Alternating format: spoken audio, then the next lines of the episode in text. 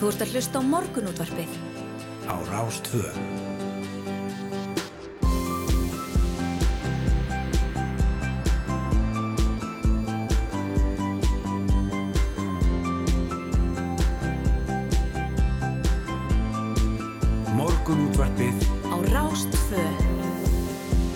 Góðan daginn, það er morgunúttöpið Rástöðu sem helsar jú að þessum förstu degi 29. april í dag.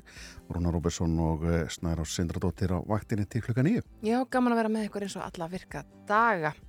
Það verður eitt og annað sem við ætlum að bjóða upp á í þætti dagsins í dag. Það verða svolítið frettir vikunar, krupnar með þeim Snorra Másinni, frettamennastu 2 og Lindu Blöndal frettakonu hér upp úr klukkan 8. Þess var líka, kokkalandsliði. Já, við ætlum að fá til okkar eh, mann sem eh, veit allt um kokkalansliðið.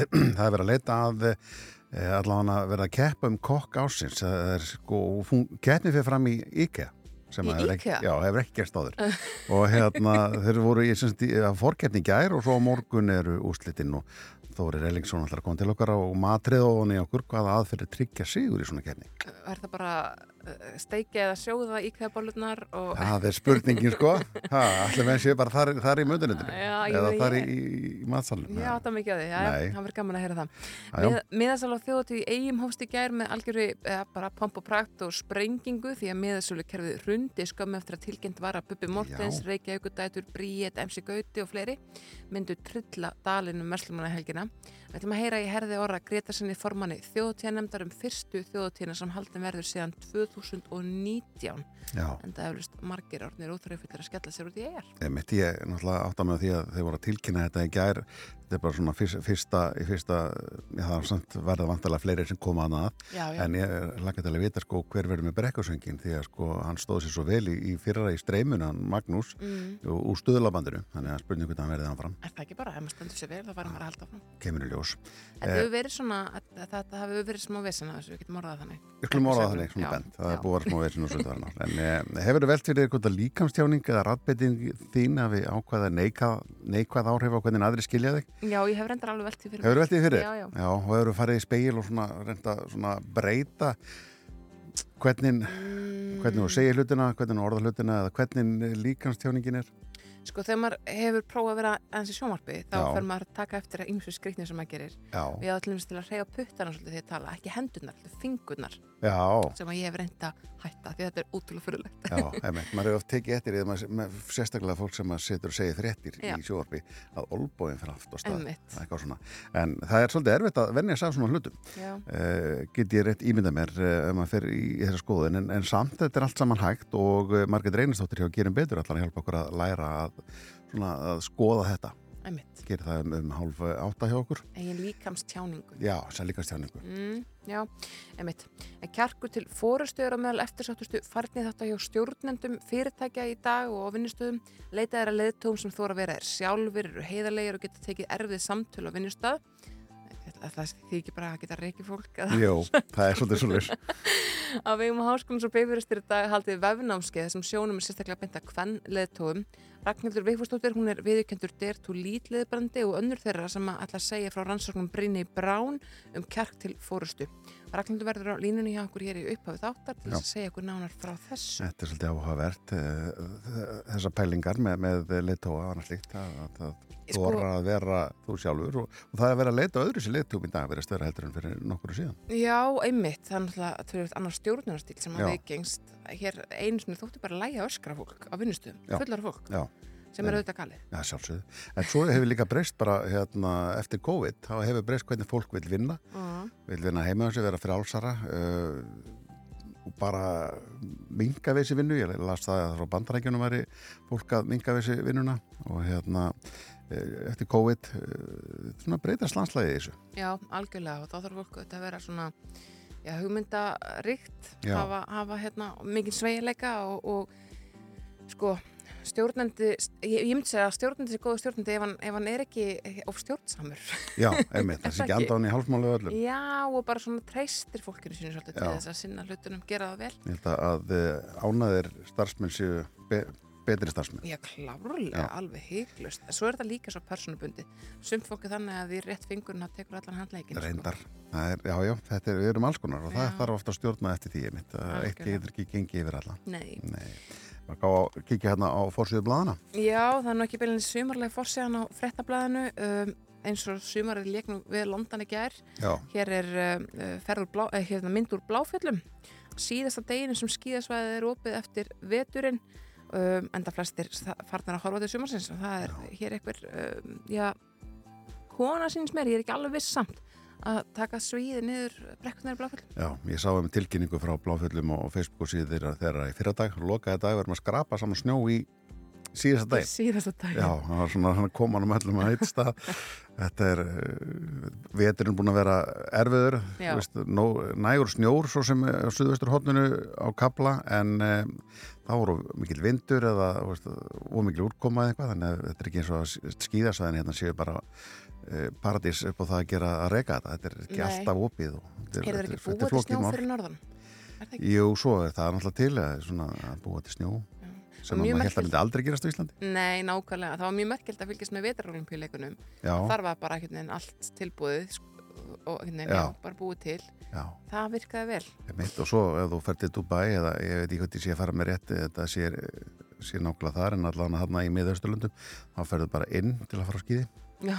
Það er bara að risa höll og svo skíðar inn yfir brekku sem er tilbúin snjór Já, og Við- 40 stig hitti fyrir þann já. sérstætt Það er mjög sérstakt. Ég, mér finnst það, mér líður eins og þá sé hérna einhvern veginn tilgangurinn pínlítið farin, sko. já, Ja, hér á fórsvíð fréttablansins er líka sagð frétt af því að lauruglun á Suðunis sem rannsækir nú fjárdrátt starfsmanns Suðunisabæjar frá tveimur þróskaskertum bræðurum en bræðurni búa í úrræði á vegum bæjarins. Starfsmæðurinn vinnur á velferðarsviði Suðunisabæjar og er grunaður um að hafa dreigið sér að minnstakosti eina og halva miljón króna frá tveimur þróskaskertum bræðurum sem búa í sjálfstæðu búsötu úrræði á vegum bæjarins. Anna Valdís Jónsdóttir er frænka og talskona bræðrana og hún kærði mál til lauruglu eftir hún komst að því að fjárhagstæðir á lokuðum reikningi að þið minga til muna en hana grunar að heldar upp hans sé mun harri. Þessum starfsmæðurinn hafi einnig aðgangu að öðrum reikningum þeirra og meðal hans kortareikningum.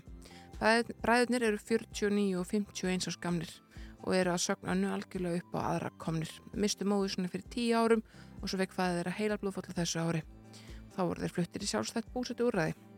Þetta er ljótt mál, það voru að segja þetta alveg eins og er. já og sér morgunblæsins í dag segir frá því alltaf 40% heimilisleikna upplefa enginn í kullunar mikið álag á helskjöldstöðum og byggtími hefur lengst og uh, Margrit Ólafæja Tómasdóttir formaður félags íslenskara heimilisleikna segir við höfum ekki mannskap til að taka á móti aukna álagi og það eru þreytumerki í hópnum.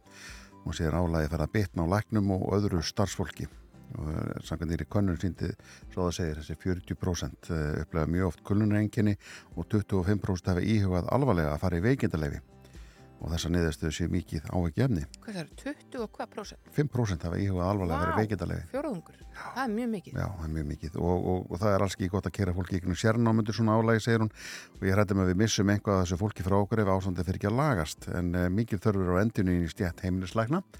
í uh, stjættin sé í lagði eftir að nýlega mist út stóran hóp læknar sem hættu fyrir aldursækir og tekist það að fjölga læknum uh, sem sér að sé í heimilislækningum en nokkur árur þá til þeir skila sér að fullu til starfa Emmitt, já, þetta er merkilegt. Það verðist vera mjög misamt ástand á heilsugjæslurum eftir því bara hvar fólk býr, sko. Já, einmitt, ég sá einmitt það fyrir einhverju síðan og töluðu í helskislanum það að það veri svolítið löng byggð eftir þínum lækni Mhm. en ef þeir er sama hvaða lækni þú hittir þá kemstu fyrir það. Já, emmitt.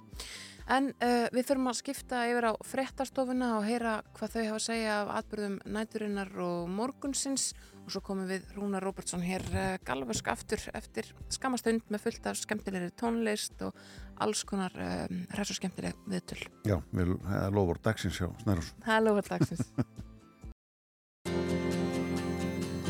Þú ert að hlusta á morgunútvarpið. á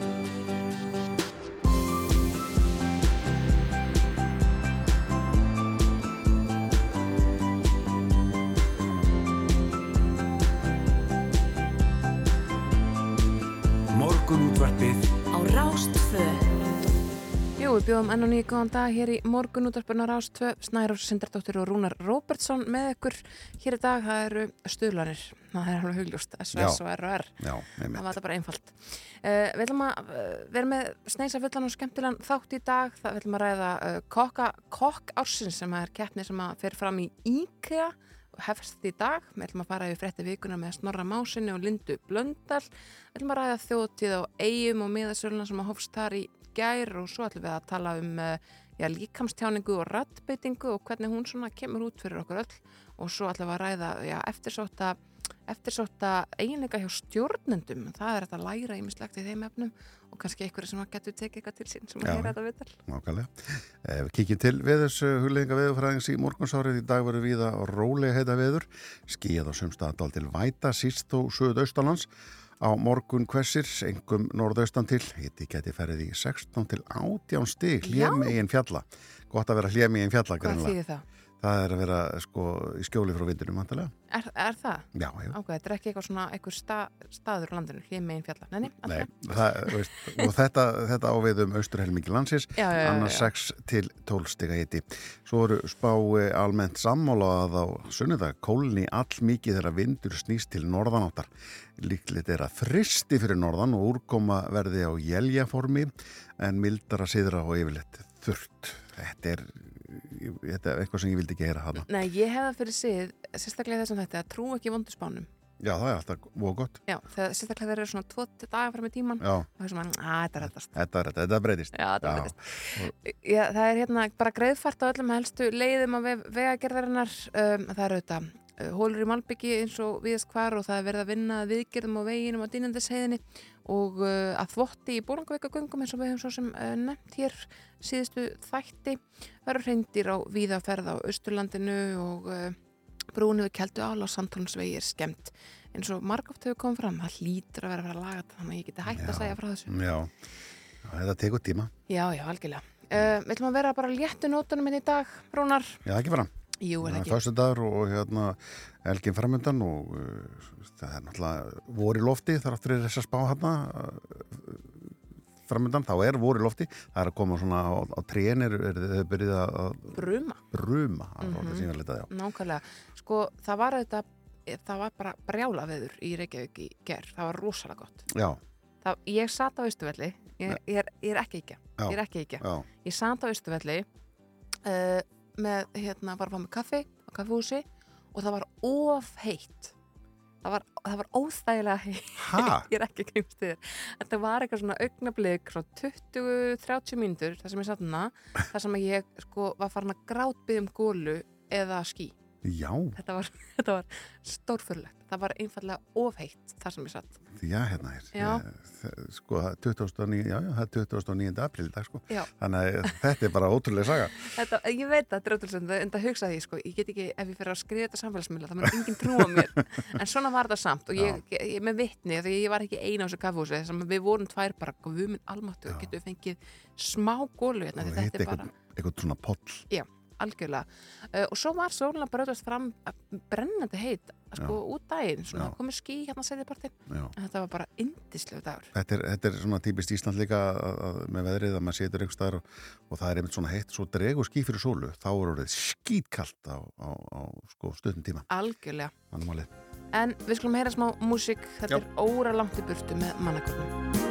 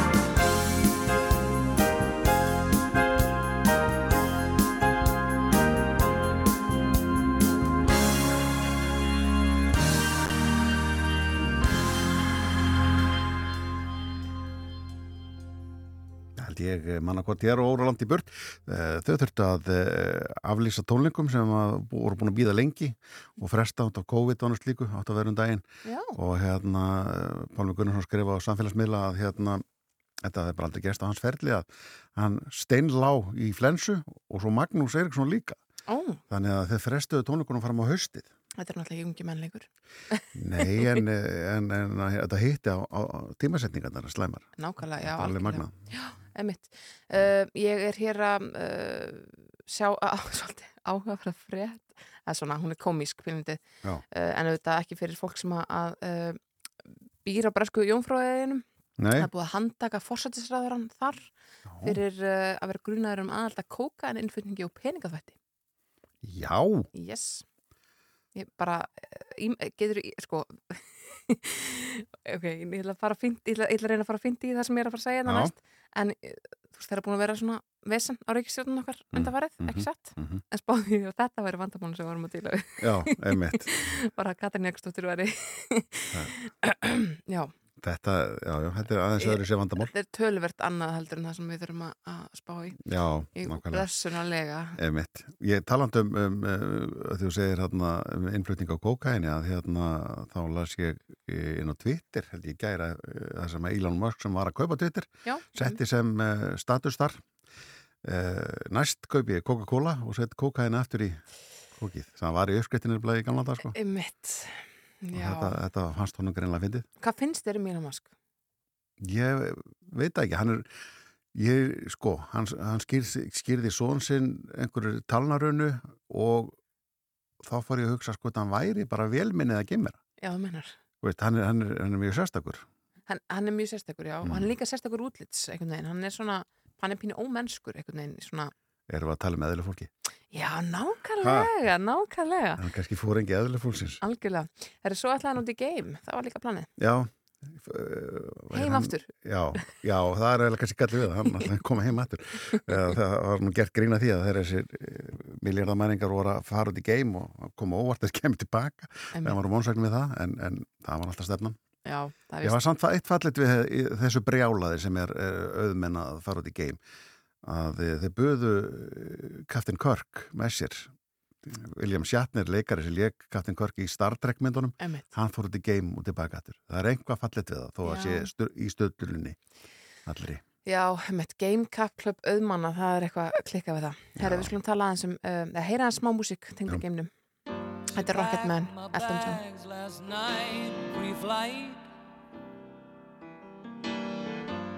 Zero hour 9 a.m.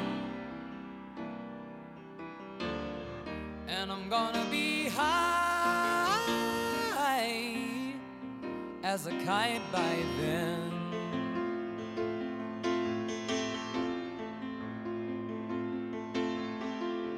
I miss the earth so much. I miss my wife. It's lonely out in space. such a timeless flight.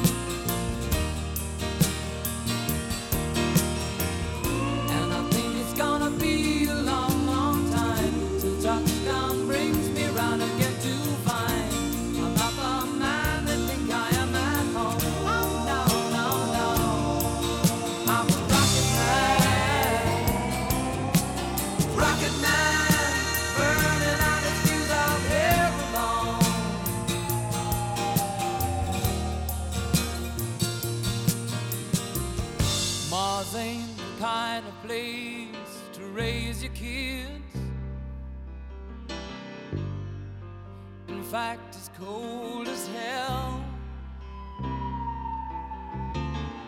And there's no one there to raise them if you did.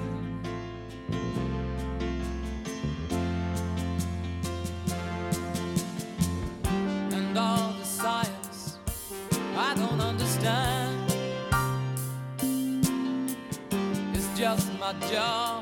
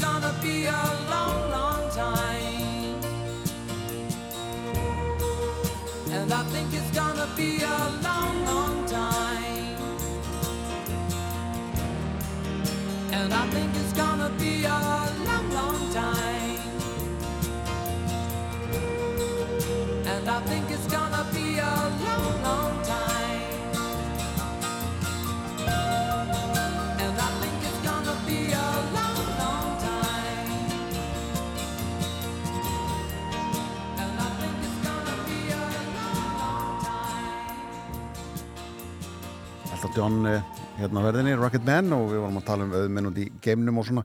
Þannig kannski eh, tengi ekki við þetta allt saman. En um, kjarkur til fórustu er að meðal eftirstóttutu uh, færni þetta hjá stjórnundum í dag.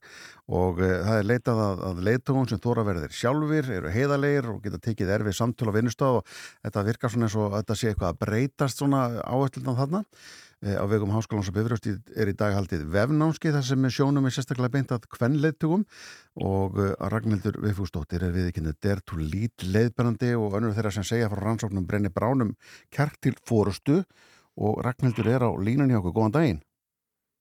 Sæll og blessaður, þannig að brá mér verulega því að vefnámskið er eftir viku. Þetta er þetta viku? Já, flott, þá Já, bara já. fáum við að heyra nákvæmlega um hvað það snýst og hvar fólk getur skráð sig og það er ekki orðið allt fullt. En fyrsta sem ég dætti hugun alltaf var að ég hefði tekið vittlust eftir og eftir að þig. tveimur stöðum. Nei, nei, nei, nei En það er hægt að skrá sig bæði á LinkedIn og líka á Facebook viðbyrði Já, og mér skilst að sem mikill áhuga fyrir þessu. já, þetta, segðu okkur aðeins að, að þessu námskeiði er að breytast áhersluðnar á bara, já hvernig stjórnendur fyrirtæki vilja og jafnvel hvernig starfsmenn vil. Já og það sem er náttúrulega líka er að breytast er það að það er verið að gera sér betur grein fyrir svo það að fara að tala um þetta. Og Dr. Brenni Brána, við erum með sagt, byggjum okkar hérna, webinar á henni og uh, rannsóknum hennar og verðum með námskeið í haust sem er frá henni komið. Að hún er náttúrulega búin að rannsaka þetta í mörg ár hvaða er sem að hérna, stjórnendur þurfa og vilja og hún, miðstöður hennar var það að það er fyrst og næst hugur ekki og þá var hún að tala við stjórnendur og var alltaf að tala við þess að hugur ekkur stjórnendur en þá kom í ljós að þeir eru hugrekkir og skítrættir á sama tíma mm. því það er erfitt að stjórna fólki og það er erfitt bara að vinna með fólki Hvað er það sem að svona góðu leiðtöður hafa, það sem að, vel gengur og fólki líður vel á vinnustæðan en skilar miklum afkostum? Já, samkvæmt rannsóknum brenni, það, það voru hægt að þjálfa þetta og mæla þetta og æfa sig í þessu öllu saman. Og hún segir þessi fyrst og næst þetta að við þurfum að þóra að glíma við berskjöldinina og það er þetta þegar við erum allt í hennu bara, sem kallum þetta að vera varnarlausir, þú veist þessar tilfinningar sem grýp okkur, við þurfum bara að þóra að horfast í auðveðar og, og bara rannsaka það, hvað er í gangi henni hjá mér, akkur líður mér svona. Við þurfum að lifa gildin okkar og nú heyri ég sko tala um það að gildið sé bara kæfta þetta sé svona bara staðlösi staður upp á vegg og nú fólk, eh, fyrirtæki komið menningarsáttmála og samskiptarsáttmála allt saman. En gildi er þessi skiptur okkur máli fyrirtæki hafa sett fyrir gildi og þetta snýst um hefðun við þurfum að hafa okkur í samræð við gildin. Svo þurfum við að treysta og vera tröstisverð og tröst er ekkit einfalt. Þetta er bara eitthvað orð sem við hendum um en það það virkilega að rýna það hvað það er og svo þurfum við að læra að rýsa upp aftur vegna þess að þegar við erum hugur eitthvað þá, það tekst ekki alltaf hjá okkur og við dettum að það með andliti í drullina og þá þurfum við að geta rýsa upp aftur og haldið áfram Mm. og ekki eins og ekkert hafi gerst heldur þurfum að rýna það sem gerðist og læra því Mm. Þannig að það er þessi fjóri færnir þettir Einmitt, einmitt. Og, hvernig æfum maður þetta? Oh, bara með því að gera. En það sem skiptir mestu máli það er þetta með að tekja sjálfan sig vegna þess að við stjórnum eins og við erum. Þú veist, þó maður sé auðvitað hérna með kannski svona mismöndi áherslu heima og að heiman að þá erum við, við erum manneskjur og við þurfum að tekja okkur sjálf við þurfum að tekja okkar viðbröð svo lýs að við bara getum haft stjórn á þeim og að við að, að sé ekki eitthvað sem einhver annar segir okkur sem tryggirar okkur þannig að við bara förum langt út, við erum ekki svo manneskja sem við viljum vera. Og, og, jafnvel maður stendur nánast fyrir utan sjálfa svo að er þetta ég? Og hvernig ætlaði að koma mér út úr þessu?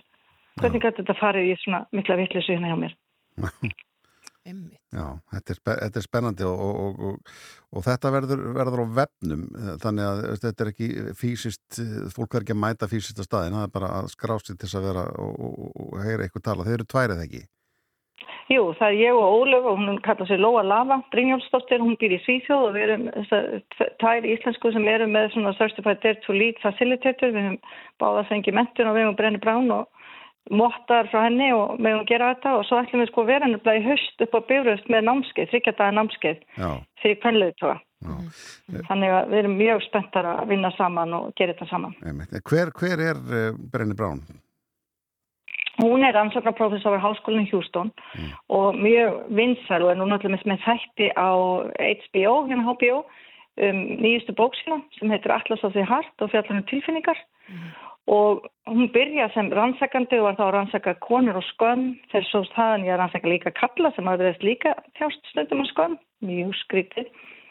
Og svo er hún skrifað nokkra metsölubækur og, og er mjög eftirsóttur fyrirlesari. Og ég veit að það hefur reynd ítrekka að fá hana hingað til Íslands. Já. en hún er bara mjög bókuð og þannig að fólk er að sætta svo okkur lói. Uh, hún er smá svona stjarnar í þessum bransa, maður hefur alveg heyrt það, það eru margir að hlusta um þetta á hlaðvarp með henni og, og lesa bækurnar hennar og svona einhvern veginn, já, uh, læra Já. mikið. Já, og fyrsta, ég fór til hana 2015, Lóa fór 2019 og ég verði til með þess að mánudag og þriðudag upp í endurmentu með námskeið sem byggist á Daring Greigli sem er eina hennar fyrstu bókum og það er svona hugsað fyrir stafs með barnavenda og markþjálf og kennara, fólk sem er að vinna með börnum sérstaklega. Mm. Þannig, og svo er hún gert annan námskeið sem heitir Rising Strong, ég hef farið með hópi gegnum það líka. Og þetta er bara rosalega gott efni fyrir mann sjálfmann til að rýna sig og sína tilfinningar og sína hegðun. Að- svo við bara fljótum ekki hérna hvað sem að sofanda feyðarósi. Já, já, einmitt. Já, að er- sig ekki vera svoanda feðarósi. Nei, þetta er áhugavert, þetta er sjötta mæ, þetta er þetta viku, ég, ég fór, fór vikuvilt þegar ég ringdi þig, en, en þetta er samt eh, annan föstudag, eða næsta föstudag, þannig að hérna, og uh, það er að finna allt um þetta inn á, inn á Facebook bara, kjarkur til fórustu, Ragnhildur Viðfúsdóttir, takk fyrir að segja ykkur frá þessu nánar. Já, velkomin á webinari. Takk, takk.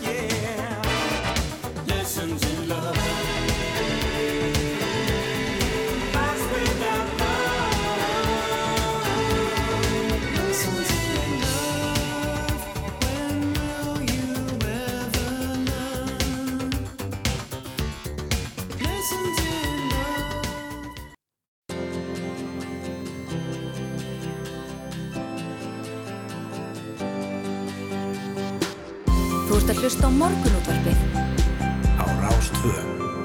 Já, hittabilgja á Endlandi og á kaffihúsi og Östurvelli samkvæmt snæður og síðan í gær. Þú varst að segja eitthvað sög á því. Það var rosalegt, það var ofheitt, Já, þarna hefur verið eitthvað, eh, eitthvað svona, eitthvað tengi kann á milli, algjörlega. vantarlega. En uh, hefur veltið fyrir hvað það, svona líkamstjáningið þín, hvað hún segir fólki? Já, algjörlega. Já, og hérna reynda að breyta svona, uh, Já, sko, að já, eða það skiptir sér. líka svolítið máli e, á fundum og svona, Já, eftir hvað hlutverki maður gegnar á fundunum, já, eða hvað aðstöð maður er, hversu mikið pláss maður tekur og svona Já, líkamlega. já, Það er svolítið, já, ég hugsa alveg um já, þessu hluti, sko. einmitt og, og eh, við erum að velta þessu fyrir okkur og hvað þetta, hvað þetta hefur áhrif á hvernig aðri skilja því og hvað þetta gera rétt og hvað Mhm. er þetta að bæta og Margrét Reynistóttir hjá Gerum Betur er komin til okkar, Sæl Sæl. Eh, Sæl. þú ert að stúdira þetta og hérna hvað, hvað er það sem við erum að gera vitlust svona yfirleitt? Um, það er svo mikilvægt að vera meðvitaður um að þú ert að gefa svo skýr skilabóð með líkamannum Mhm. og það sem að fólk er oft að viltu heyra fyrst hvað er að gera vittlust? Já, já, Já. það er ekki alltaf skemmtilegt. Þetta á við í þjónustu af því við uh, sérum okkur í, í þjónustu og það er 80% þjóðarnið þjónustu, hvort sem það eru læknar starfólki í verslunum eða annað Mm. Þannig að þetta á við alla sem er í þessu að ef þú ert að tala til dæmis um manneski, ef þú krossleikur hendunar Mm þá ert að mynda bara ósýnilega hindrun millir þín og manneskunar. Mhm. Þannig bara það að, að vera með hendurnar afslappaðar það þýðir strax að þú ert ekki komin í ykkur að varnastöðu. nei, ég teki eftir þessu stundum að, að maður hefur krosslat hendur um að tala með einhvern ómeðvitað en er samt Mhm. ekki, líður ekki eins og maður sé í einhverju varnastöðu Nei. en þá fattar maður alltaf, já, herrði, ég má þetta ekki því að þetta, þetta vekur neikvæð viðbröð hjá fólki. Algjörlega og bara uh, litla atrið þú ert að tala við fólk og horfa framann í það það er hérna allan á vesturlöndum skiptir gríðarlega miklu máli auksambandið Mm. og það er alveg ástæði fyrir að við segjum að augun eru speill sálarinnar Mm. Að horfa framann í fólk þegar að tala við það og En akkur segir á Vesturlundum? Er þetta misant eftir menningarheimum? mjög mismunandi eftir menningarheimum. Um, Hva, hvar skiptir ekki máli að horfa í augun af fólki?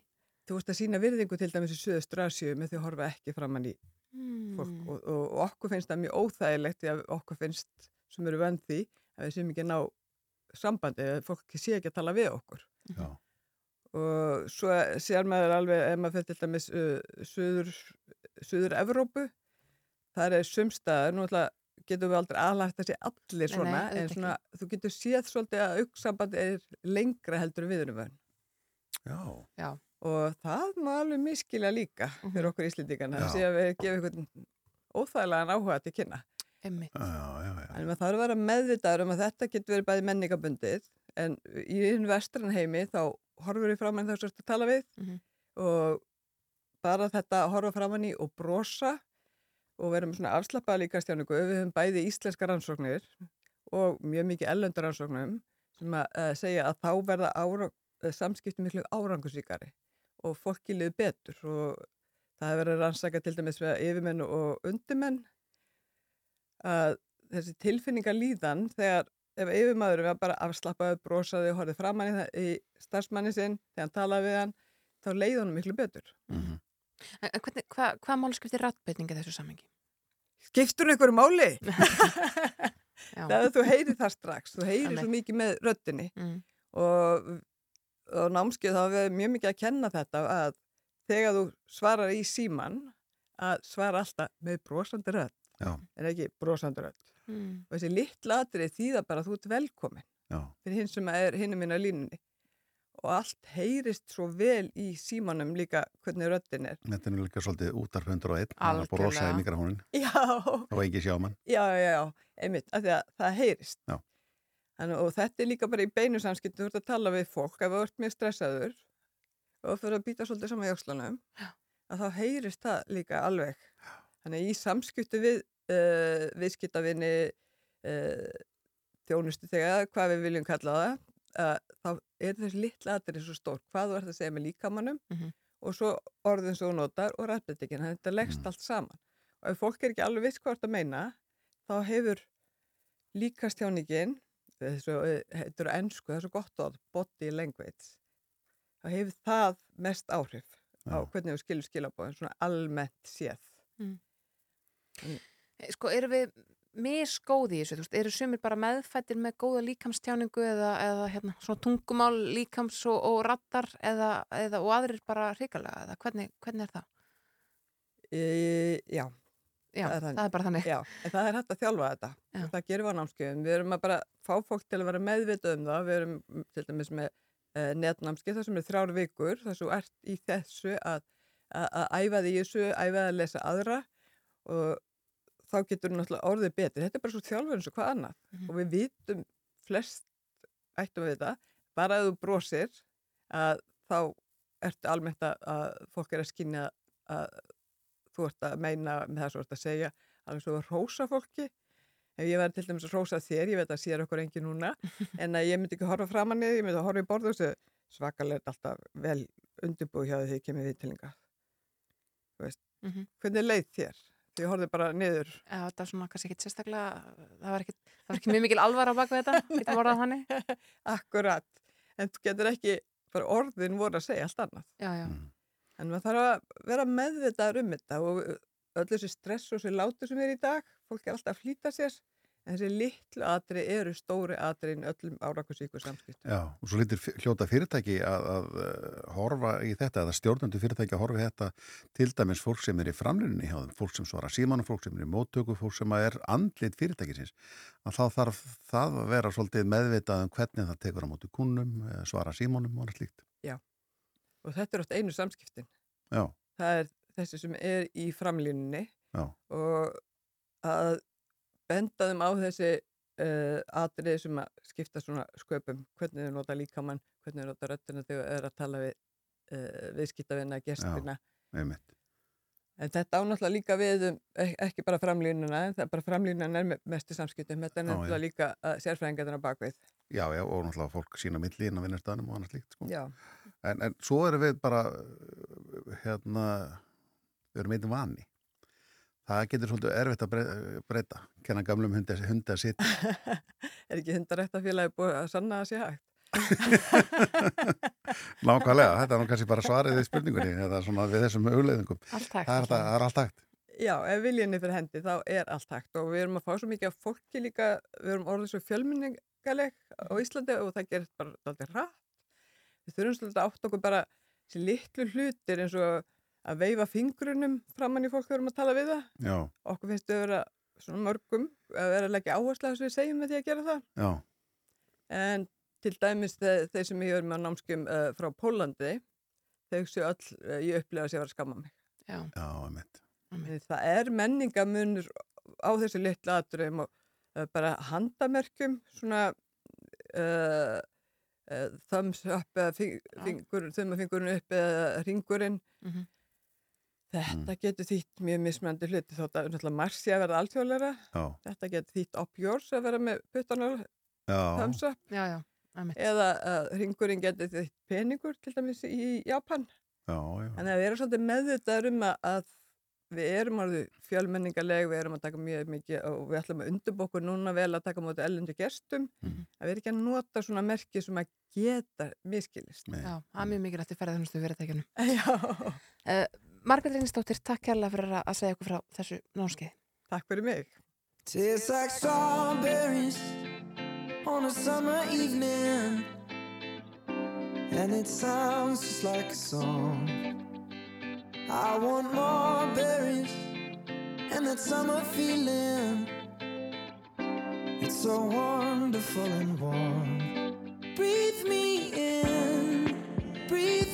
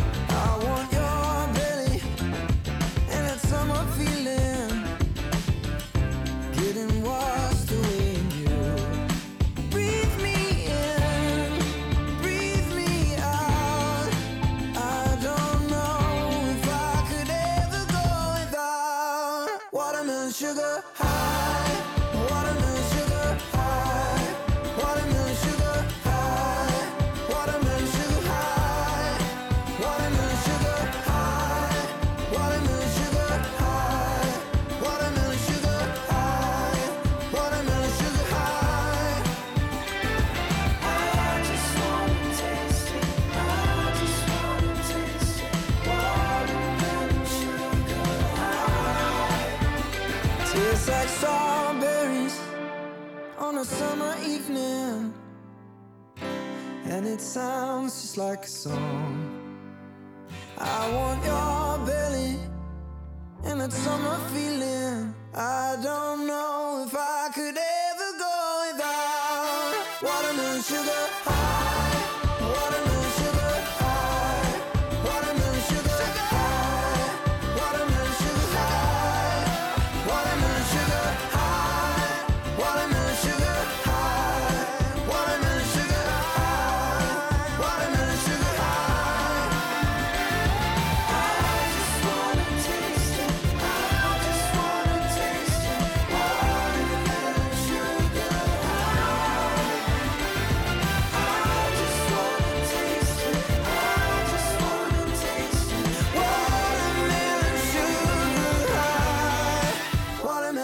ert að hlusta á morgunútvarpið á Rás 2. Jú, jú, uh, Watermelon Sugar. High hérna með Harry Styles. En hann kemur nú ekki fram á þjóðtíð í eigum þó að það væri Það væri litla bomban sko. Já, Miðasalega þjóðtíð hófst í gær með algjörri sprengingu þrátt fyrir að að Harry Styles er ekki á svæðinu en það verða Bubi Mortens, Reykjavík Dætur Bríet, MC Gauti og fleiri sem ætla að trilla líðin um vestlunna helgina. Og Hörður Óri Gretarsson, formaður þjóðtíðnefndar, hann er uh, komin að línunni hjá okkur, góðan daginn. Góðan daginn. ef ekki bara segja til hamingju eða? Það er bara fyrsta þjóðtíð ég- 2019 Já, hérna, við, hérna, við, við hérna, reyndum nú harkalega í fyrra og hérna, vorum svo sem komum með þetta klárt þarna viku fyrir eða eitthvað svoleiðis eða þetta var svo kansina en hérna, við erum full bjart sér núna á svona vorbúin júi að geta fara að byrja að selja þjóðtíð og, og hérna, vonandi bara að tekst þetta hjá okkur. já. Eh, Það var nú eitt ári sem að þið voru með erlenda stórstjörnu því vorum að tala um Hallis- Harry Stylesin rétt á hann. Rónan Keating var á, á þjóðatíð. Það hefur ekkert eh, komið til greina að, að gera það aftur. Jú, jú, það hefur alveg komið til greina og svona, og hérna, og komið til tals en hérna, það kostar fullt af peningum að hérna flytja inn svona nöfn og, og hérna, fyrst og fremst er þetta náttúrulega fjáröfnum fyrir, fyrir íþróttafélagið og þannig að við reynum að svona hugsa, hugsa vel um örin. Ég skil ekki. Emitt, emitt. En sko, eh, hvernig er það? Þið skipulöðu þjóðtíð fyrir á svo var ekkert af henni út af, út af dollu hvað hérna, Mhm. hvað, er það að fara bara með nákvæmlega sama skema í gangi í árið eða hvernig ætlaði að gera þetta?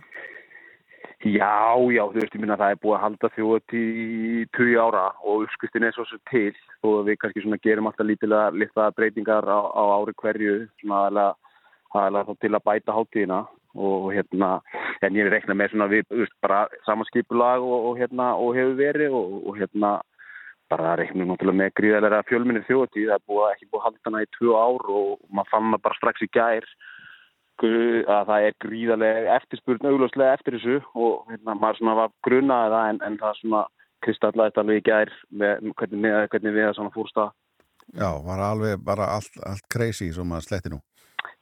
Já, og, og þetta er líka öðru sinna áður. Við, hérna, þú veist, fólk líka kostur á því að flytja miðan sína í fyrra veist, eða fá endur greitt og það voru ótrúlega margir sem að fluttu miðana. Þannig að þú veist, við erum líka í raun og veru að, að selja færri miða kannski heldur en að við höfum gert Hmm. og, og, og, hérna, og, og þannig að fólk átti bæðið á miði dalinn og miði herjólfi og, og hérna þannig að hérna svona samgöngur hlutin sem að er svona kannski takmarkandi þáttur á þjóðatið yfir, yfir höfuð, þú veist, það er bara kannski erfið að komast yngar heldur en að heldur en að kaupa sér miðin í dal, þannig að ég hérna þannig að fólk þarf að vera hugsa þetta fyrir en setna eða alltaf að skella sér til eiga í sumar, sko, það er alveg orðin. Já, sko þannig að þrátt fyrir það að það verður ansið margir sem, að, sem að áttu miða þá hrundi miðasölukerfið. Já, þannig að hérna augljóslega einhverjir sem áttu ekki miða sem ætlaðu að tryggja sér miða, Já. Já, það er gerað ánum með tíma sér tekið. Það er 91 dagur, 6 klukkursundi, 44 myndur og 8 sekundur. Þá til að þjóti hefst. Já, já, ég, hérna, ég stend nú hérna og horfði nýri herrastælda, þetta er liðið árum að vita. Já, Já, nákvæmlega. þið eftir að tilkynna vantarlega fleiri listafinn sem koma fram eða ekki? Jú, jú, algjörlega, þetta var bara svona fyrsti af nokkrum tilkynningum sem við áum eftir að koma með og, og hérna, við erum bara gera það svona í aftur þetta sumar og, hérna svona höldum einhverju svona, einhverju umræði gangi með það og það er alltaf spennandi og gaman að tilkynna nýja, listamenn og hérna, og það verður einvala lið eins og, eins og áður. Já, það Sko- er hvað? Bríett Bubbi, MC Götti, Reykjavíkudætur, flott og hipsum haps er komið. En með brekku Mhm. söngoran, er þið búið að ákveða það? Já, já, við erum búin að ákveða það og hérna, við, hérna, ha, það mun ekki fara fram með einum þegar við tilkynnum það. Nei. Sko, Bubi Mortens, hefur hann tróðið upp á þjóðtíð áður? Já, já. Já, Já, Já, já, hann hefur komið, hann hefur komið, Já. já, hann hefur átt þjóðtíð að laga, er það já, ekki? Já. Eh, Sko, hver, hver kemur til með að eiga þjóðtíð að laga þar? Já, það er líka hérna Það eitthvað sem við ætlum að halda á er búin að heyra og það er frábærslega. Já, ok. Já. Og verður eitt af, eitt af mörgum frábæru þjóðsjölugunum sem að eru til í katalógnu nú þess. Já, og var það einhver listamæður eða tónlistamæður sem að, eða kona sem að þið handvölduð eða var það í svona, þið hefum stundum verið með svona e, keppni eða svolítið flótið fólk send inn?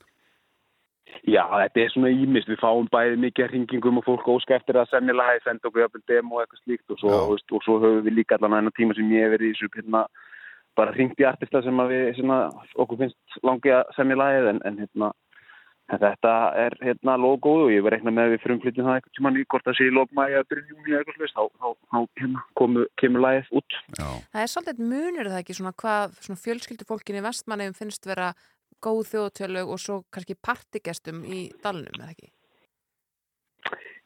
Jú, bæ, bæði, Bæði og, og. held ég bara sko.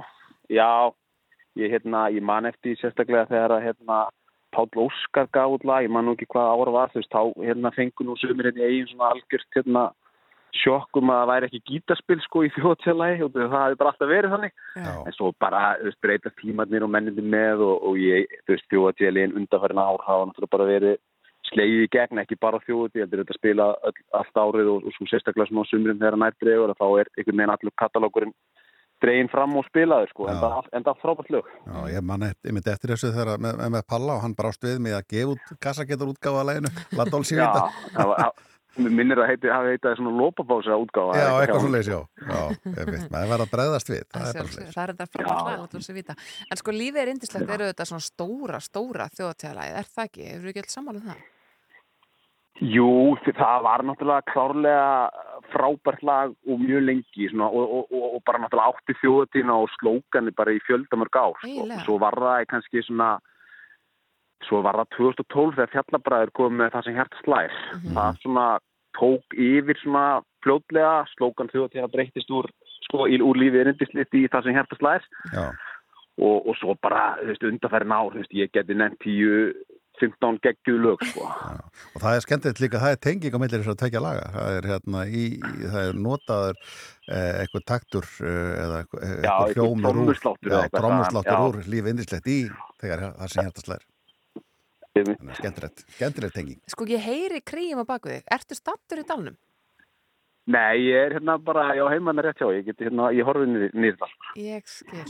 Þannig að þú ert mjög spenntur að geta bara hort yfir einhvern veginn allt sem þú er búin að skipulegja þannig í um því Vestlumarhelgina bara eins og kongur í ríkið hennu. Já, þetta er bara, þú veist, maður er fættur og uppalinn við þetta, maður er, að, maður er ekki búin að missa úr þjóðatið í, í, sko, alla sína æfi og svo þegar maður missir út tværi rauða, þá ómyndilega hlakka manni til að, að, hérna, að geta staðið niður dalaftur, sko, og ég held að ég tali fyrir höndum margra í því samhengi. Já, algjörlega. Algjörlega, þetta verður geggjað. Uh, Hörður Ári Gretarsson gangi ykkur bara sem allra best í eigum. Takk kærlega fyrir að vera á línunni. Takk fyrir næst, þess að En svo sagði mér náðan, uh, Rúnar, þá verða Bubbi og Bríett bæði að, að Já, og það vil svo skemmtilega til að þau eru saman í lagi Bubba sem heitir Ástrós mm, þannig að í stað fyrir að spila þjóðtíðala og kannski vel við hæfi að blanda þessu svona saman og skella þýlótið eigum við ekki að þáttu sér svona frekar rálega lag, við ekki að gíska á þau taki lagið í, í dalnum. mætti segja mér það Er það ekki? Jú, það lítur bara að vera Skulum heyra þetta. Þetta er Ástrós með Bubba og Bríett.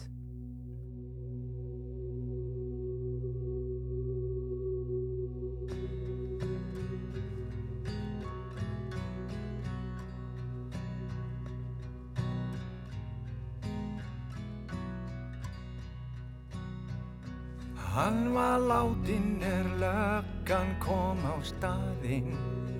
Lagð á mig hendur, hún för Hann var skrýmsli og skaðinn sem hann olli. Gaf mér engrannar að kosta vör Varða vernda börnin rjúfa þessa hlekki Þeir fella óða hund er það ekki.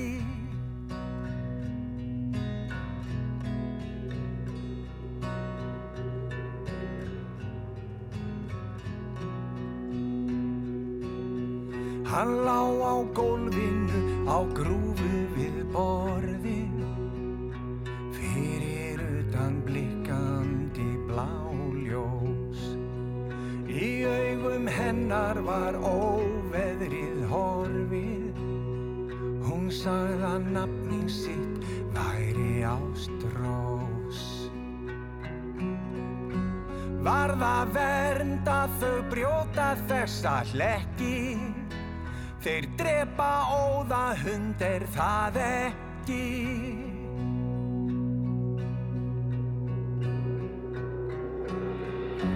Fyrstu árin, fyrstu tárin fyrstu sárin aftur og aftur. Fyrsta höggið fyrsta sjokkið. Fyrsta fyrirgefðu aftur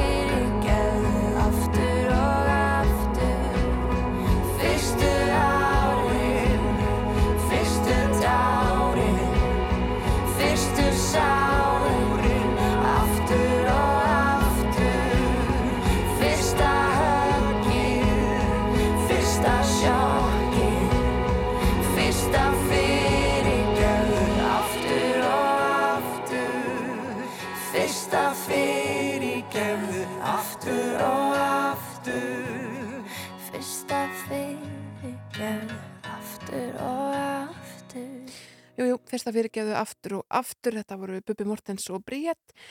Og framöndan fréttir klukkan 8 og þar á eftir ætlum við að kíkja á fréttir vikunar og fáum til okkar góða gesti. Já, það eru þau Snorri Másson, fréttamærastu 2 og Linda Blöndal af Ringbraut sem ætla að renna yfir hlutina með okkur. Já, nákvæmlega. Svo ætlum við að fræðast aðeins um keppnina Kokkur ásins eh, 2022. Hvað þarf að gera til að segra í þeirri keppnin til dæmis? Þóru Ellingsson kemur til okkar en fréttir framöndan. Þú ert að hlusta á morgunútvarpið á Rástvö.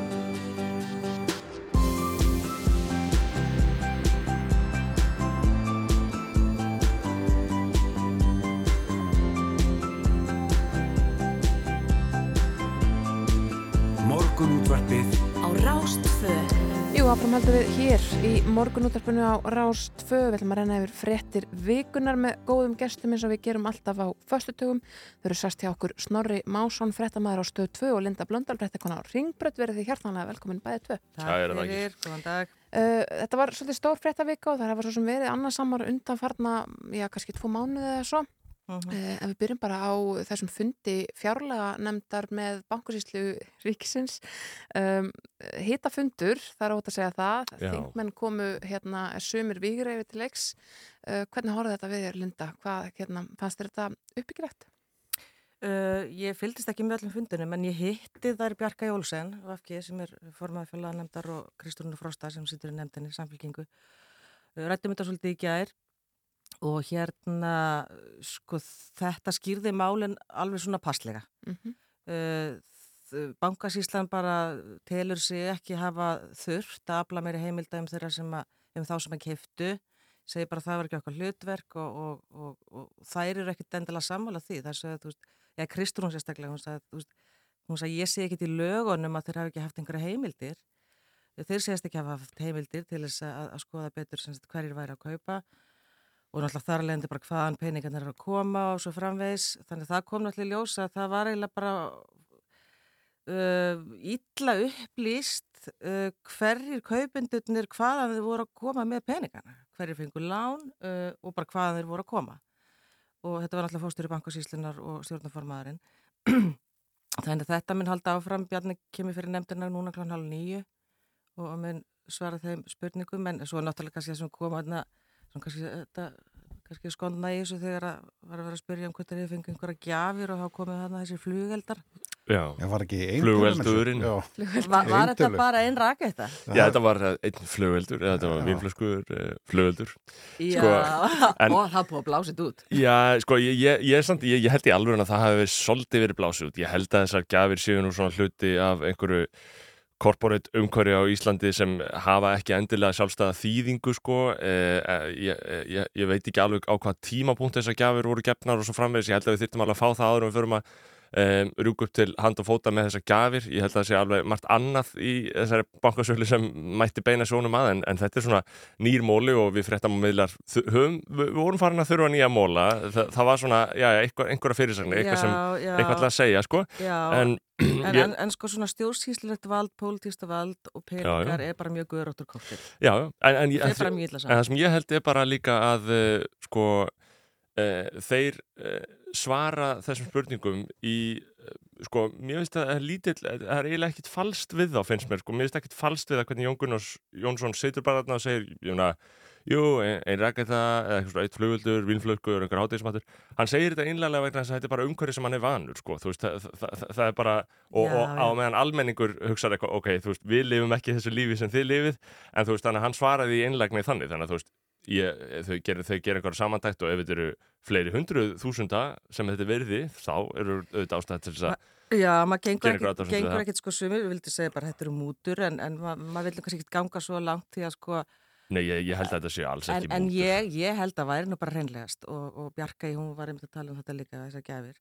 Hún sagði við þingmenn megum þykja gjafir en það er bara, hún sagði það er mjög lágt þak sko, mjög lítið og við þurfum að gefa það allt saman upp. En ég segi bara hvers vegna draga bara ekki línuna skýra, þú bara þykkur ekki. Nei. Þegar þú ert sko að fara með eitthvað vald, er þetta ekki bara hreinlegast að bara þykja ekki gjafir? Það er ekkert oft sem maður fer í, í hátíðismat með einhverjum sem maður segir, herri, ég tek þennan. Nei.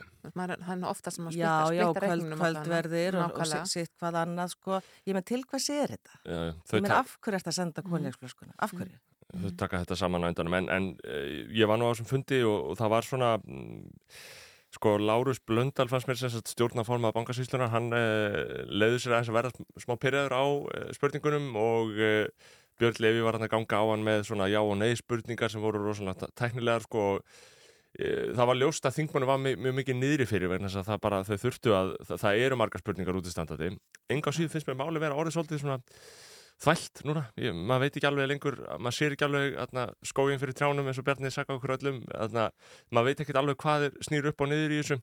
En uh, ég held samt að uh, núna þegar Bjarni fyrir fyrir nefndina þegar Sigur Ingi heldur áfram að svara fyrir þetta að stjórnarandstaðan haldi áfram að halda þessu vakandi, af því það eru þetta hætt við því að núna það fari þetta hægt og rólega að fjara út sko. En það er náttúrulega svo mörgum spurningum ósvarað og, og, og við erum að tala náttúrulega, þú veist, til dæmis í, í þóknun fyrir söluaðalina 700 miljónir, sko, og, og svo náttúrulega þessi, hérna, þessi gríðalegu verðmæti sem er náttúrulega í almanna eigu. Og það er bara ofóljóst uh, hvar, sko, hérna, heimildir bankasýsluna byrjuð að endu, uh, hvar pólitíska ábyrðin liggur. Þetta er bara alltaf óskilt meða við hvað mikið er í húfi og uh, bara það sé tröst á þessari, á þessari sölu. Ég talaði við Lilju líka í gær, Alfreds, viðskiptar á þeirra og hún sagðist hafa haft efasendir um þessa leið, uh, þessa útbóðsleið sem hún sagði verið alltaf oft við höfð og væri mjög þekkt og allt það. En hún sagði sko, þá ertu kannski með 10-15 sölu aðila. Ef einn klikkar, þá ertu komin með sko brot á trösti á, á, á, á hérna, öllu ferlinu. Bara ef einn klikkar, þá er það komið og við höfum ekki, sko, við höfum ekki móralíða og sálíða eftir, eftir í, bara í ljósa okkar sögu. Nei, nei. Lilja, saði í gær líka ekki að uh, Katrín og Bjarni hefur líka haft efasendur um þetta. Þetta, þetta breytir svolítið. Sko hún sagði það líka í það þau eru í þessari efnaðsnefnd þau þrjú og hún sagði ég var ekkit einum að hafa efasemdir en samt sko var urður ráð, ráðbank og síslarinn ofan á og hún sagði, notaði þau orð, hún sagði við hefum átt að fara eftir okkur pólitíska hjarta. Þannig orðið á það. En það sem er sko, það sem ég, uh, við, við veitum ekki hversu mikið við fjöllum um þetta bankas, bankasölu mála en, en, en það sem er líka nefna í þessu er að við fjölmiðlarnir, uh, við nefndum það allavega í aðdraðanda bankasölunar, allavega hjá okkur á stöð 2 og vísi að þetta yrði innan gæsar bara lokað útbóð, að þetta yrði ekki með sama hætti. Þessar fréttir flugu ekki hátt sko Þú veist, það, við sögðum þetta, við sögðum þetta svona reglulega eitthvað í nokkur sjónvarsættum, ég manna það bara, ég skrifaði þær og við bara sögðum þetta alveg skýrt að þetta verður ekki fyrir almenning, þetta verður lokað útbóð fyrir fjárfesta.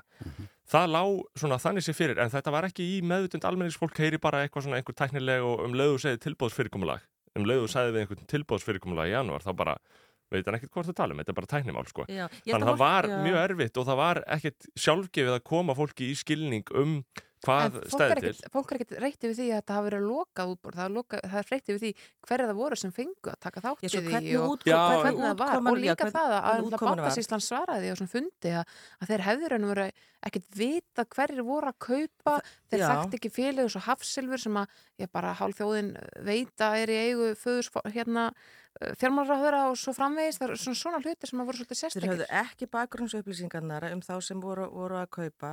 Uh, síðan benti Kristrún á, bara, bara meðan ég man það, að hún benti á að þeir sem að hérna kiftu, sko þeir þurftu að vera í viðskiptum við viðkomandi söluaðila. Einmitt. Segjum bara, þú veist, í, í viðskiptum við Íslandsbanka. Þannig að það voru girðingar. Voru girðingar líka. Þannig að þetta er bara alltaf að koma núna upp eftir á.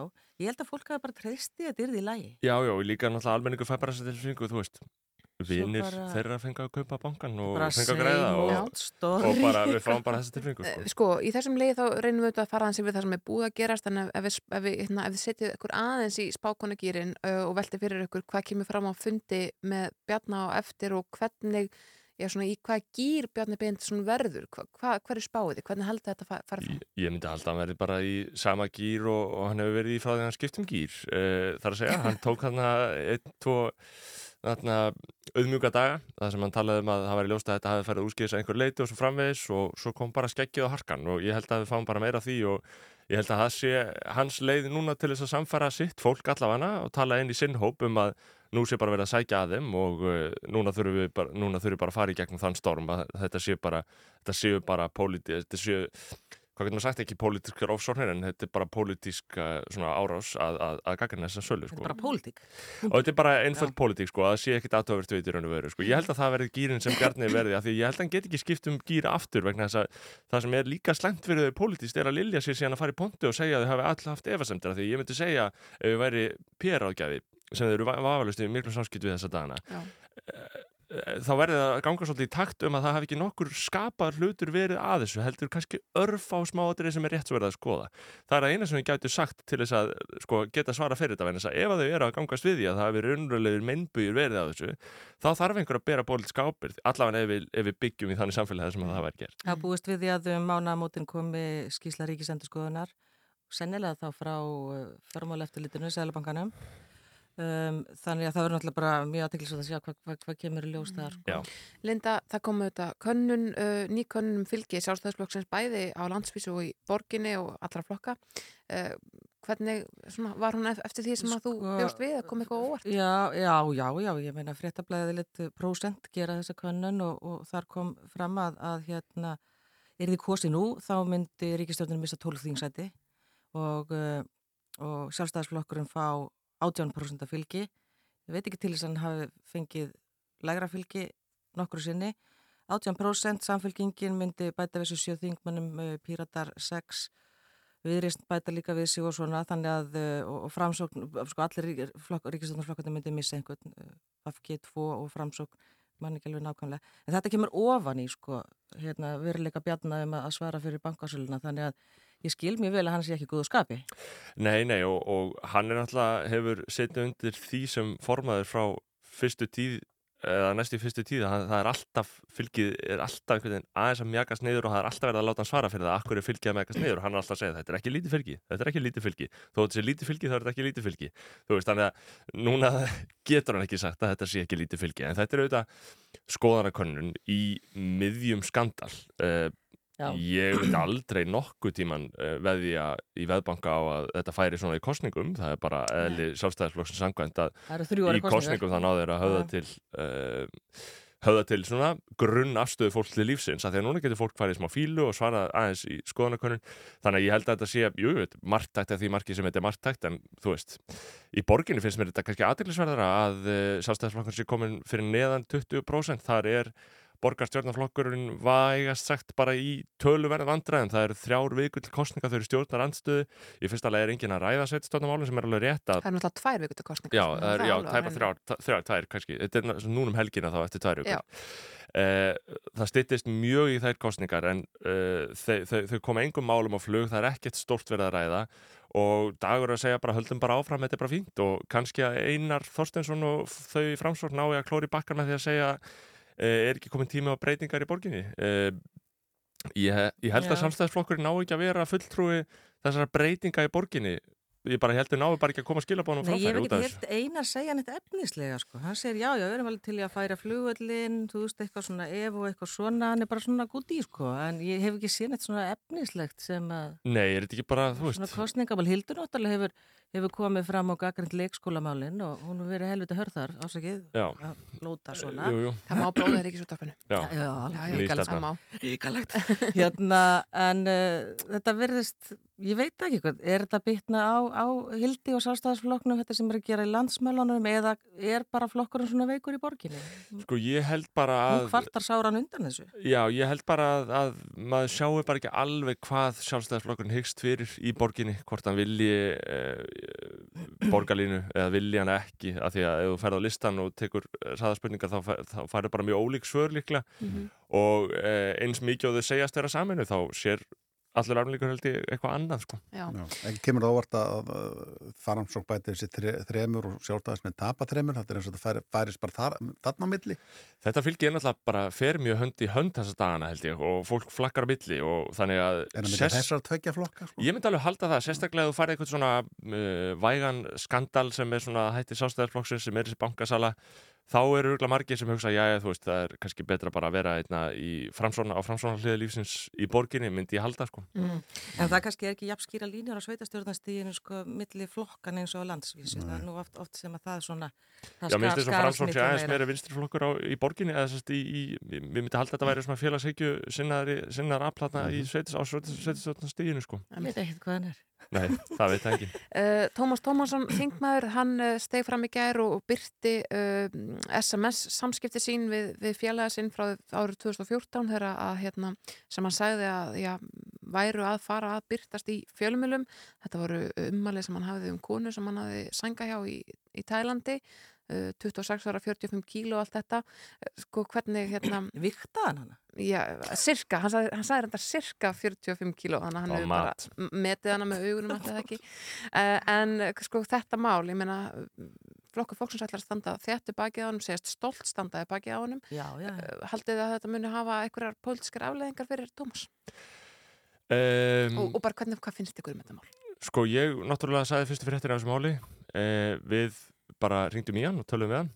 Eh, og eh, það er auðvitað aldrei eh, beint skemmtilegt að, að, að opna erfið mál fyrir fólk persónulega en við auðvitað bara vorum með þessi skjáskot og við, við sáum okkur bara ekki annað fært en að gera þessu skil. Eh, og þetta er bara, þetta er bara ógeð og uh, það, maður getur ekkert sagt neitt annað En þegar maður les þetta Hann hafnar því hérna, ég er, að- ég er að lesa hérna Já. í fréttablaðinu, Tómas hafnar því að hafa keift vændi, Já, en, en, svo kemur hann fram að hann ætla að retta vini sínum líka einni.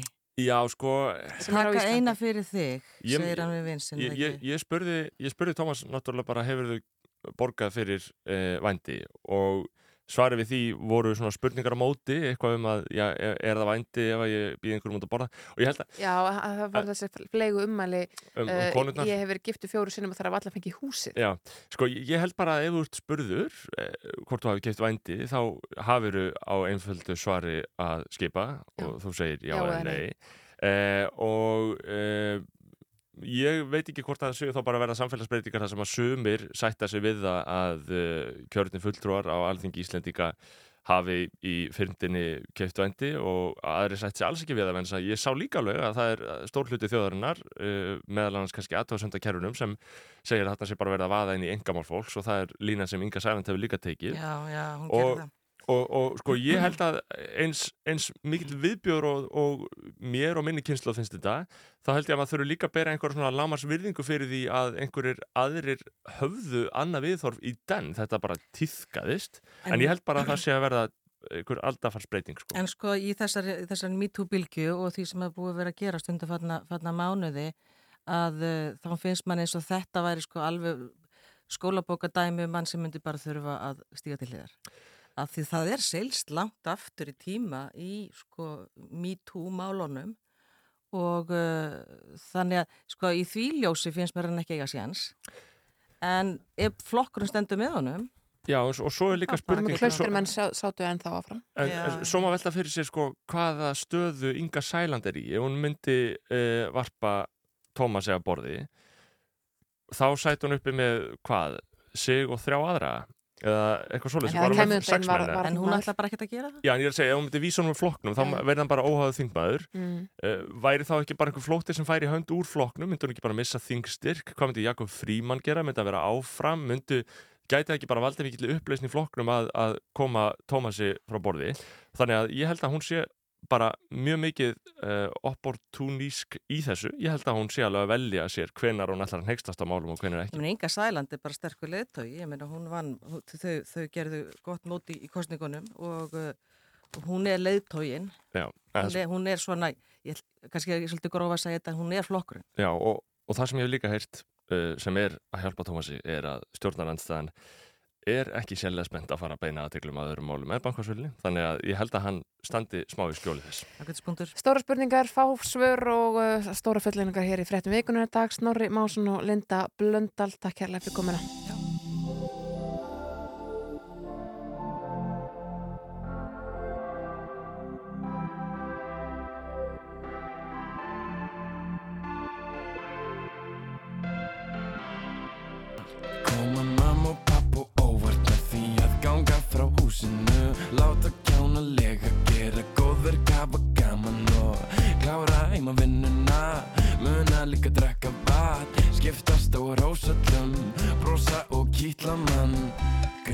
sure.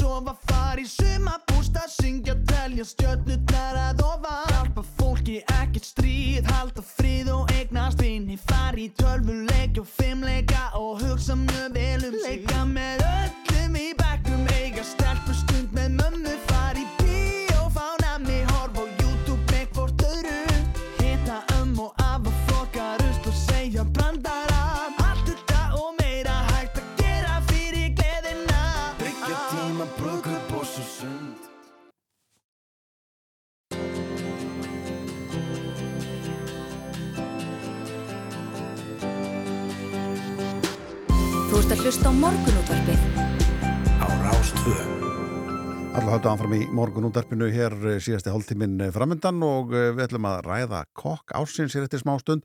Eh, Það er eh, klúpur maturislu sem að eh, sér um þetta og kettin fór fram, eh, fórkettning gær í IKEA. Einmitt. Meira um það hér eftir smá stund. Þetta eru Cutting Crew hins og smá 80 samt okkur að just died in your arms.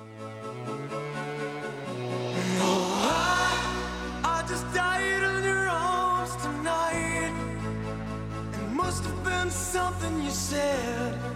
I just died in your arms tonight.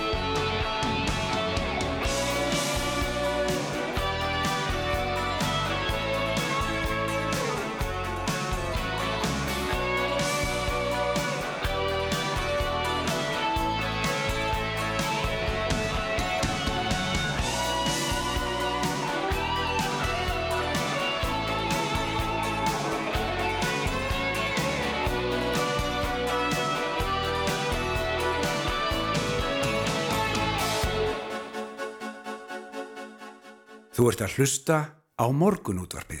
Já, það er ekki lítið eitís hér á föstudagsmotni. Já, já, já. Þetta er bara alvöru. Þetta er alveg reytís, það verður að segja þetta annars er en eh, hérna kokkur eh, Íslands Kokkur ársins. kokkur ásins segi ég á Íslandi Já. og hérna það verður að leita honum núna og það var fórgetningar í IKEA og uh, Þóri Erlingsson er mættið til okkar veit allt um málið eh, og fer fyrir klubbi maturistumestara uh, velkomin Takk uh, segð okkur aðeins að þessari keppni hvað þarf maður að gera til að vinna svona Þú þarf náttúrulega bara að vera einna bestu maturslumönum landsins, það, það liggur ljóst fyrir.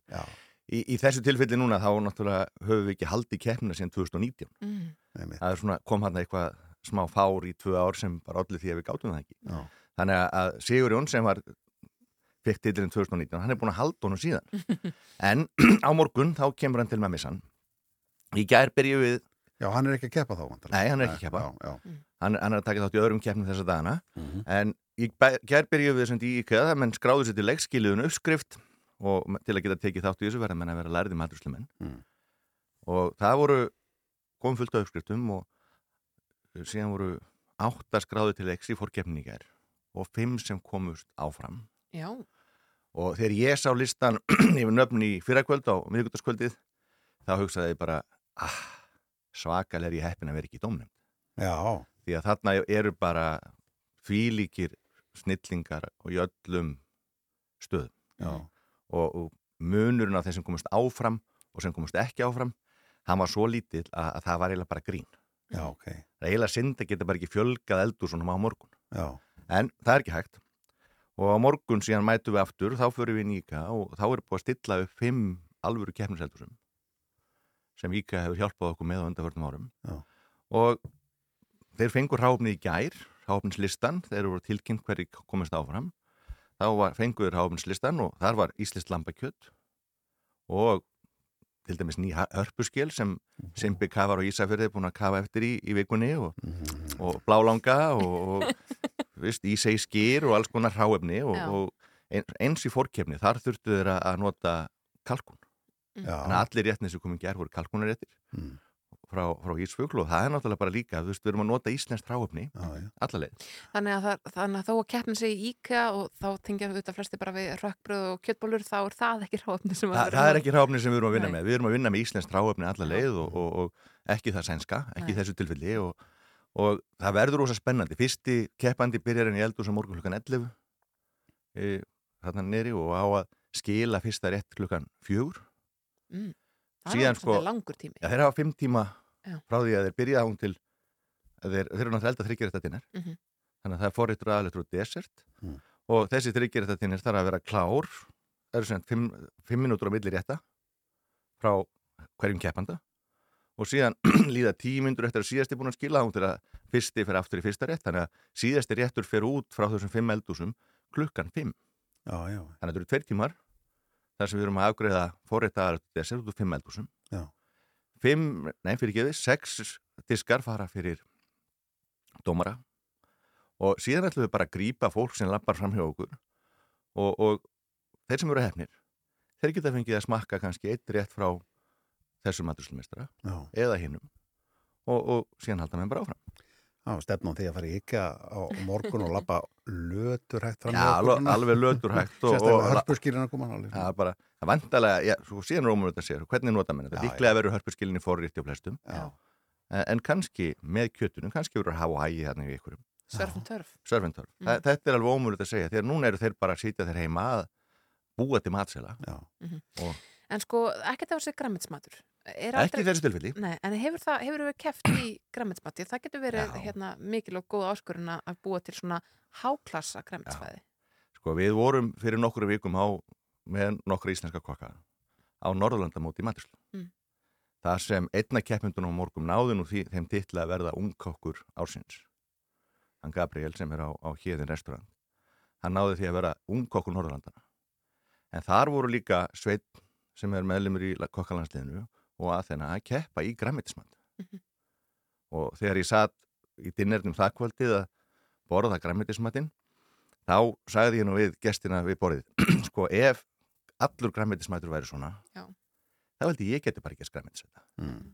það er bara þetta var ótrúlegt Þetta, þetta hefur náttúrulega breyst gríðarlega með græmitisréttina að ég mann fyrir 20 árum pluss að maður fór í áskrift kannski viku á vinnustad að fekk bakka í hátteginu allur maturinn bræðast eins alla vikuna í dag er þetta bara komið á allt annað Já. sko, allt annað menn, menn eru konið bara svo rosalega langt í þessu Já. og Nordic Green Chef er sem keppni sem var byrjuð, byrjað þessu ári og, og verður keppt í árlega hér eftir og við komum til með að senda keppindur þangað á næsta ári líka Já, það er mjög spennandi. þannig að þú veist, allt sem tengist þessu og, og, og landslýsmatrislu og bara keppnismatrislu yfir höfuð En þeir sem eru komin ánfram og, og, og keppa á morgun Já. eh, hvernig er kynja hlutallið þar?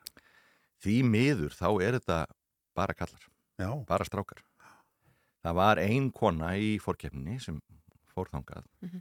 og það er kannski líka hlutfall við fáum alltaf fáar konur inn það eru ekki okkur vantar bara einfallega fleiri konur í fæð Já. Þetta er náttúrulega mjög ófjölskylduvænt fag. Þú ert að vinna langt fram á Já, kvöld sko, og, og ert að byrja snemma að skipulegja þess að við verum samt kannski aðeins að líta á það er að verða svolítil mýta Eða? ef við horfum á bara hérna, þá staði sem fólk er að vinna á í dag mötuneytin í, í stærstu og flottustu fyrirtækjum landsins það eru jæfnvel bara landslýskokkar í vinnu E- Það er þannig? það er þannig Já, þannig að, að það er bara vinnutími frá 7 til 3 ömmitt.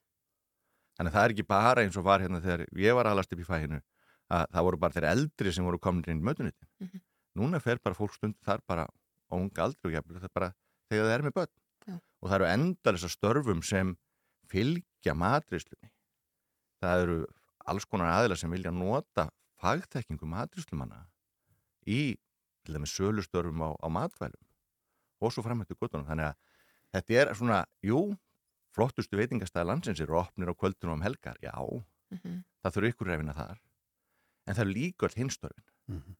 og við megum ekki gleyma því bara við eigum að vera, veist, vera stolt af því að nota Íslands stráefni vera með bestu fagmenn í heimi og þá bara finnum við okkur okkar sillu um að hætta að tala um þetta sé alltaf bara kvöld og helgafina því að það er bara ekki alveg rétt. Nei, en það er svona, það er mýta sem við maturslumenn þurfum að, að breyta Mm.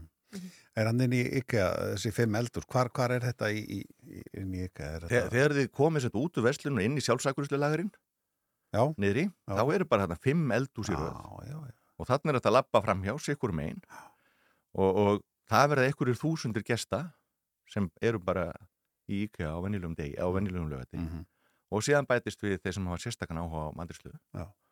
þannig að okkur finnst þetta gríðarlega spennandi að ná svona þessu umhverfu að vera í kringum svona mikið af fólki með að við erum að keppa Já, ég held að sem ekki aðmælætt að vera með Billy Hillin undir vinstri hendinni og vera, og vera að smakka nautalöld eða, nei, hérna, hérna lambakjöndi Lamba- sér ég, segir Þa, það er náttúrulega bara eitt af þessu og líka bara, þú veist, hver er, það er ótrúlega margir með sér Já, já. Og, og færustu maturslumenn þjóðurinn eru líka með þannig eldús heima á sér Mhm. þannig að þetta er út um allt og, og við erum kannski bara að sína það að þú getur gert háklassa mat út úr þeirri aðstöðu sem, sem þú býrið þér til Já, já Sko, hvað myndur segja að vera svona einkenni fyrir íslenskan veitingahúsa markað? Hvað er hérna, hvað höfum við sem að, sem að já, einkennir okkur umfram til dæmis aðra þjóðir eða, eða sem eru öðruvísi heldur en annars staðar á Norrlandunum? sko það, alltaf þessi stóra spurning hvernig við, hvernig við lítum á þetta en það er kannski á Ísland gagvart öðrum löndum þá er líklega engin með jafn mikið lambakjöti á matselinum eins og við því að lambakjöti er náttúrulega okkar aðal kjötráefni Mhm. en hvað enginnur okkur það má vel að segja sko smæðin enginn okkur á sumuleiti en síðan þessi gríðalegi metnaður íslenska maturslumanna hann er raunverulega alveg með ólengindum að- að við skulum vera meðal 5 og 10 bestu þjóða í heimi alltaf. Er það þannig? Við erum Það- það fimm, er bara- 5 og 10 bestu þú Við erum raunverulega bara í topp 5 búin að vera það undarfærin ár. Já. Ef við förum á olimpíuleikana í matrislu 2020 þriðasæti. Mhm. Við vorum á Norrlandamóti núna, ungkokkurinn fyrsta sæti. E, Maturslu með Norrlandana, annarsæti. Green Chef, grætkokkur Norrlandana, annarsæti. Mhm. Við erum alltaf í toppnum. Og það er náttúrulega bara þetta ótrúlega, þessi ótrúlega metnaður sem við höfum Já. til þess að gera vel. Já. Og það er náttúrulega bara eitt af þessu sem við þurfum að byggja á. en það er líka að þú ferð bara, ef, ef við tökum bara höfuborgina og, og ferðum miðborgina til dæmis út að borða það er bara líka saman hvað þú berið niður og ferð alltaf uh, frábæra mat Ég held að fáir bara mjög sjaldan slæman mat á íslenskum veitingahúsum. Við Já. séum alltaf í, í topp gæðum. Já. En það er líka ótrúlega lítið verðbil í raun og veru frá því sem er svona alveg topp og það sem er svona ekki, þú veist, sem er svona nánast skyndibiti. Þa, það er kannski vandamálið og, og, og eitt af því sem þarf að skoðast og, og þar komum við bara inn á þar að sko launakostnaðurinn, hann er okkar, er stærstur hér. Já. Mhm. Hann er starra hlutfall af reksturinn hér heldur en annar staðar og þar að leiðandi verður þessi munur allt og lítill. Mhm. Hráfniskostnaðurinn er stundum bara svipaður hér og annar staðar. En, en launakostnaðurinn, sko, ef við berum saman lægstu laun hér og annar staðar, þá það er ekkert að bera þetta saman. Nei. Mm. Og þar á leiðandi verður skyndibitun og dýr. Fine dining, hættur á móti, er ódýr. Mhm. Og þess vegna verður bilið lítið. Skyndibitin er dýr, fine dining ódýrt og þá verður bilið þannig að milli allt og lítið. Já. Þannig að ef þið viljið fara fínt út að borða, þá er að gera það á Íslandi. Mm. Því að við getum borið það saman við Bandaríkin og, og Norður-Evropu og það er bara ódýrar hér. Já, bara pari, já, eða ótrýrar. Á parið ódýrar. Það, og það er náttúrulega annað þegar við fyrir kannski til Suður-Európu þá er það orðið ódýrar það líka því að launakostnaðurinn þar er líka svo miklu lægri. Mhm. En við þurfum stundum að átta okkur að því, við þurfum að bera saman eplu og appisinu. Eða sem sagt, eplu og epli en ekki eplu og appisinu. Hvernig ætlum við að bera saman eplu og appisinu? Já, já, einmitt. Það er Og þetta er eitt af, því svona, eitt af þessum atriðum í pæginu sem við þurfum bara alltaf að vera að ræða og hvernig getum við gert betur. Einmitt. Algjörlega. Man fyrst oft einmitt, umræðanum þegar fólk fer á, á, út að borða á veitingastað og það er einmitt réttur upp á 8 á skall en pítsan kostar 4 skall bara sem dæmi. Já, Já, það þannig. Algjörlega. Það, það má spá í þessu og margan hátt. Já. Kokkur ásins núna um helgina í IKEA. Takk kærlega fyrir að koma til okkar, Þóru Erlingsson. Takk.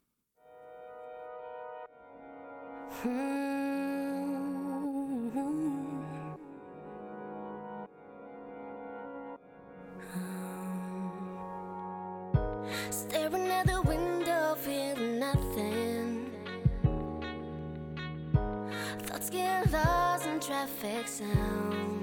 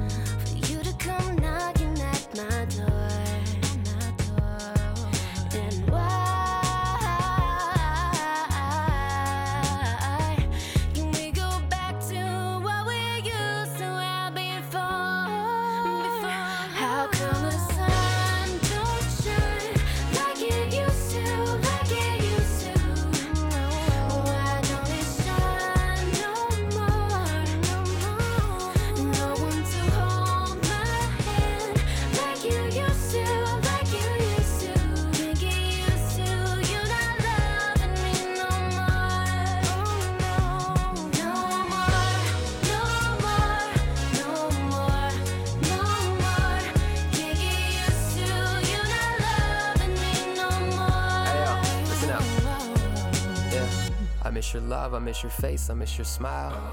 I miss your faults, I miss your place, I miss your style. Oh, I miss your lips, I miss your hips, cause that shit wild. I miss the way your phone number ain't come on mine in a while. I'm not saying it to be crazy, it's so Beyonce and Jay Z, cause god damn it, we could make a couple of dope babies if we wanted to, just one or two, and then we could stop. Wait, go. This shit so regular, and I'm out the door.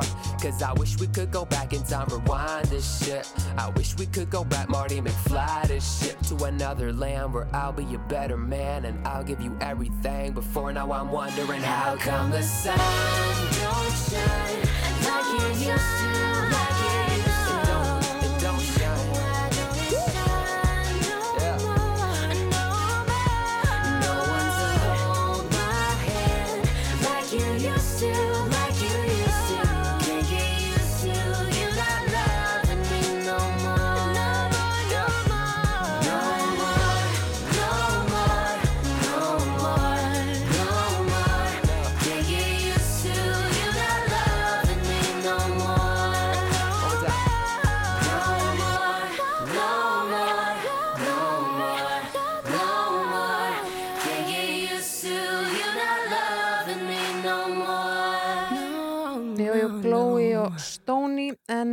Rúnar það er að koma lokum hjá okkur í dag. Já, þetta er bara búið að vera fljóta liða þessi fyrstudags þáttur í okkur, heldur betur. Ég ætla að skella mér að tónleika í kvöld. Já, Skagga Nancy. Skanga Nancy, þau eru að koma til Nancy sattur og halda tónleika og ég viðtal við í fréttum í gera sem að hlökkuðu mest til að fá sér pulsu. Já, Þið myndið til því frá því síðast að kaupa sér eina með öllu. Ok, já, já. Vi, Við getum nú búið þeim upp á eitthvað betur en Já, já, en pulsan er enda bara sigild, sko. Algjörlega. Mm. Sko, hérna stóra platan þeirra, Stús, hún kom út 96 Já. Þannig, og þau komi hérna held ég í- á því, ekki 97? Jú, einmitt, eitthvað svoleiðis Já. Þannig að hérna alltaf endur taka leikin í kvöld Einmitt, þau taka alls sín bestu lög og svo náttúrulega eru það að kynna nýja plötu Já. og eins og skinn sagði í fréttum í gær hún var rosa hérna, ákveð með það að þau voru hörku tónleikaband og þau eru það Já, algjörlega. Ég lakka allavega til í kvöld. Já. Um, Til að heyra eitt lag með þeim hér í lokin og þakka kærlega fyrir okkur í dag. Takk fyrir uh, daginn og hérna góða helgi Góða helgi.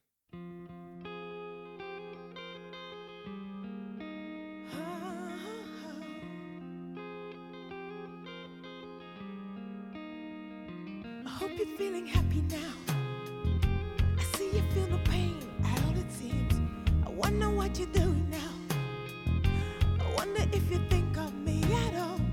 You used to play the same moves now, or a special moves for someone else. I hope you're feeling happy